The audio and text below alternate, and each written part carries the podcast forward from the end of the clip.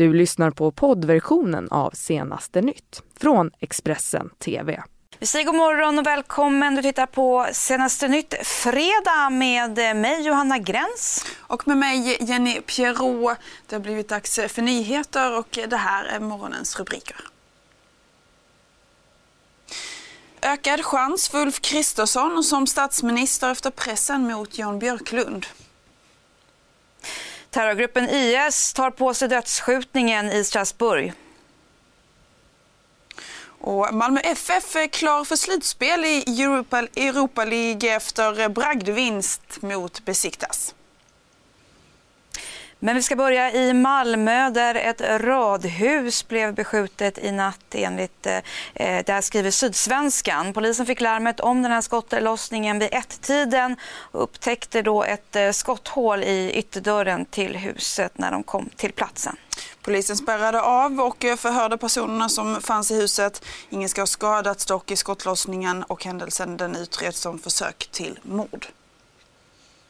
Mm, det är ju mycket som händer i politikens värld och idag så väntas en ny statsministeromröstningen, eh, statsministeromröstning ska jag säga och det är Stefan Löfven eh, riksdagen nu ska ta ställning till. Löfven väntas dock röstas ner eh, så då vänds återigen blickarna mot eh, moderatledaren Ulf Kristersson och enligt flera ledarskribenter som Expressen talat med ökar nu chanserna för Kristersson att bli statsminister. Ja, och igår kväll så fattade Liberalerna i Örebros län beslut om att de vill släppa fram Kristersson om möjligheten ges igen. Sen tidigare så har ju bland annat Skåne gått ut och sagt att man tycker att Liberalerna ska ändra den rådande partilinjen att rösta ja till moderatledaren. Detta är även något som Liberalerna i Jämtland och Skaraborg eh, vill, vilket alltså sätter press på Jan Björklund. Mm.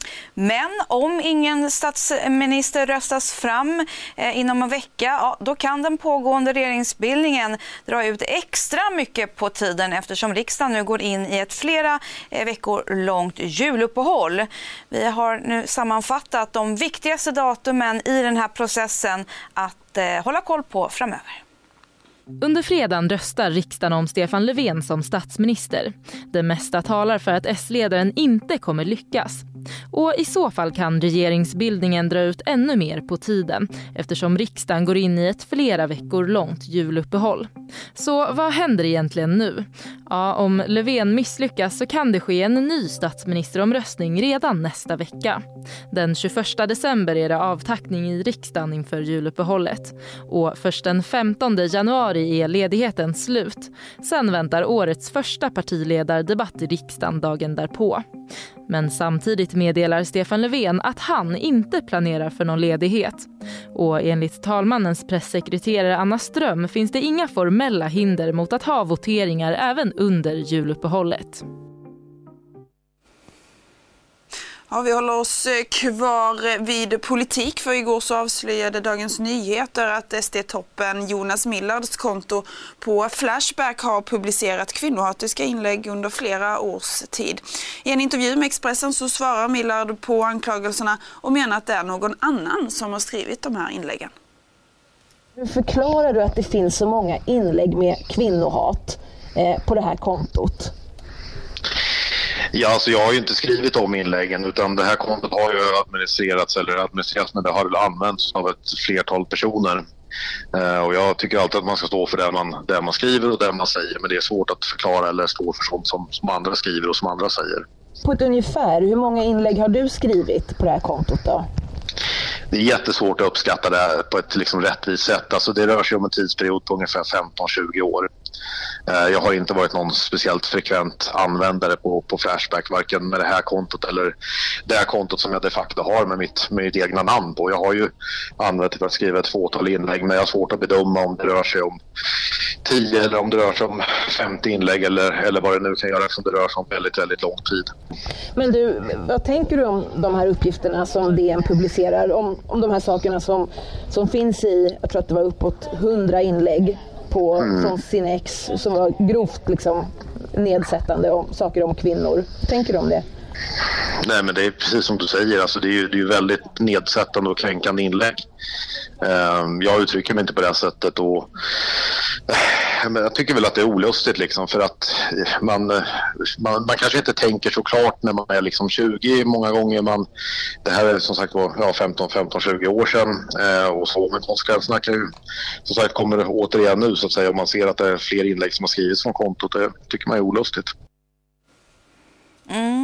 Vi ska nu till USA för den kommitté som ansvarade för Donald Trumps eh, presidentinstallation i januari 2017 brottsutreds nu av federala åklagare. Det här uppger källor för Wall Street Journal. Och enligt tidningen så rör utredningen om hur pengar från donatorer ska ha använts av kommittén. Manhattans åklagarkontor som driver utredningen utreder om donatorer har gjorts i ut, eh, donationer förlåt, har gjorts i utbyte mot inflytande i den nya administrationen. I ett uttalande så uppger dock kommittén att installationen genomfördes i enlighet med lagen. Det rapporterar CNN. Mm.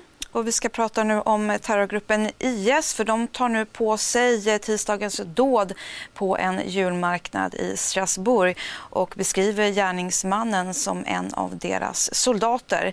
Det här framgår i ett Twitterinlägg från terrorgruppens propagandaorgan Amak enligt AFP. Sherif Chekat, den 29-årige mannen som pekats ut som skyldig, fanns sedan tidigare på Frankrikes lista över misstänkta extremister. Mannen sköts till döds av polis igår kväll då en omfattande polisjakt avslutades i skottväxling mellan honom och polisen. Det var på tisdagskvällen som en person började skjuta på torget Place Kleber i Strasbourg. I området hölls en julmarknad och besökarna flydde i panik under skottlossningen. Tre personer omkom vid dådet och 13 skadades. Snart pekades den 29-årige sheriff Shekat ut som misstänkt. Mannen ska ha skadats vid en skottväxling men lyckades ändå fly.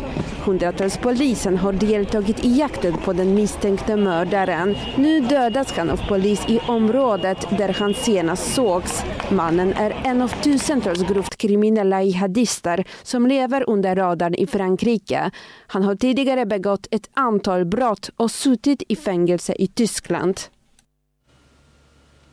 Vi ska nu till klimatmötet i Polen för det närmar sig nu sitt slut. Förhoppningen inför eh, det här FN-mötet var ju att alla länder skulle då kunna enas om en regelbok för hur eh, Parisavtalet ska genomföras i praktiken.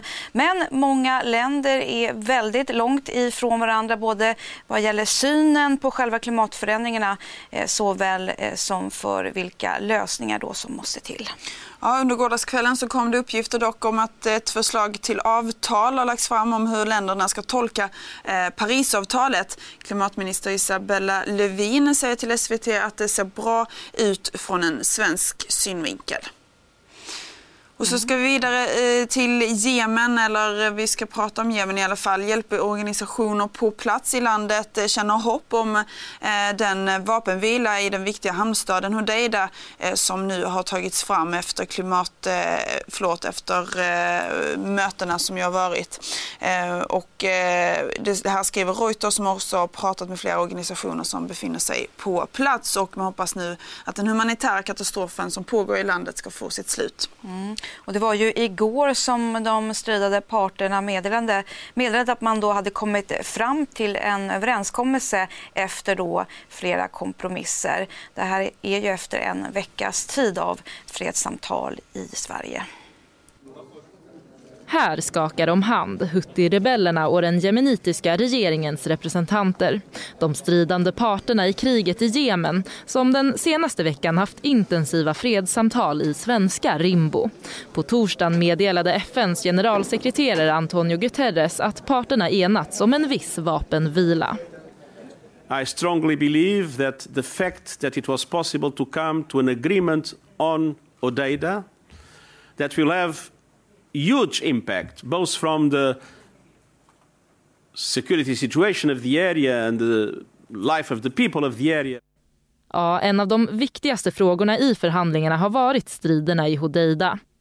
Det är en hamnstad som fungerat som en livlina för miljontals svältande jemeniter. Den senaste tiden har hundratals människor dödats i strider mellan militärer och rebeller i Hodeida.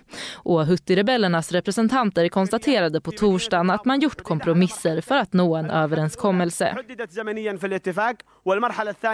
كذلك حددت زمنيا في هذا الاتفاق لندخل الى ايجاد حاله مستقره تكون للحديده تحييد كامل عن الصراع العسكري وعن خطوره استمرار الاعمال العسكريه. نحن فيما يخص الحديده قدمنا تنازلات كبيره جدا. Även Sveriges utrikesminister Margot Wallström har varit på plats i Rimbo den senaste veckan. Hon är nu positiv efter att fredssamtalen avslutats.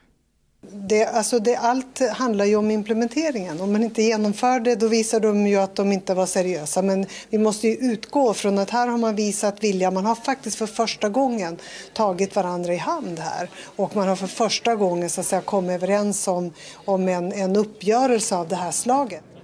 Resultatet av samtalen ska presenteras för FNs säkerhetsråd på fredag och kommer leda till en resolution. Parterna ska mötas på nytt i slutet av januari för att fortsätta förhandlingarna. Ja, och nu hörni så ska det bli sport för hela slanten. Malmö FF är ju nämligen klara för slutspel i Europa League efter en bragdartad insats borta mot turkiska Besiktas. MFF vann med 1-0 efter mål av Marcus Antonsson och så här sa några av hans lagkamrater kort efter slutsignalen. Det är riktigt stort. Det är förmodligen det största jag varit med om hittills. Ja, man var absolut fantastisk. Det är länge sedan man har, man har varit så bra som, som man gör nu. Det, det har varit en, en lång resa men, men att, med att stå här och vara vidare i gruppspelet är fantastiskt. Hur nervös var du där de sista minuterna? Ja, det går nästan inte att beskriva, alltså, speciellt när man sitter på bänken och inte, inte kan göra någonting liksom, så, så vill man bara ha att tiden går så snabbt som möjligt. Ja, sista 20-15 då var jag riktigt trött så men det var på något sätt så fick man ändå energi av det och så det var bara att kriga på. Du har lyssnat på poddversionen av Senaste nytt från Expressen TV.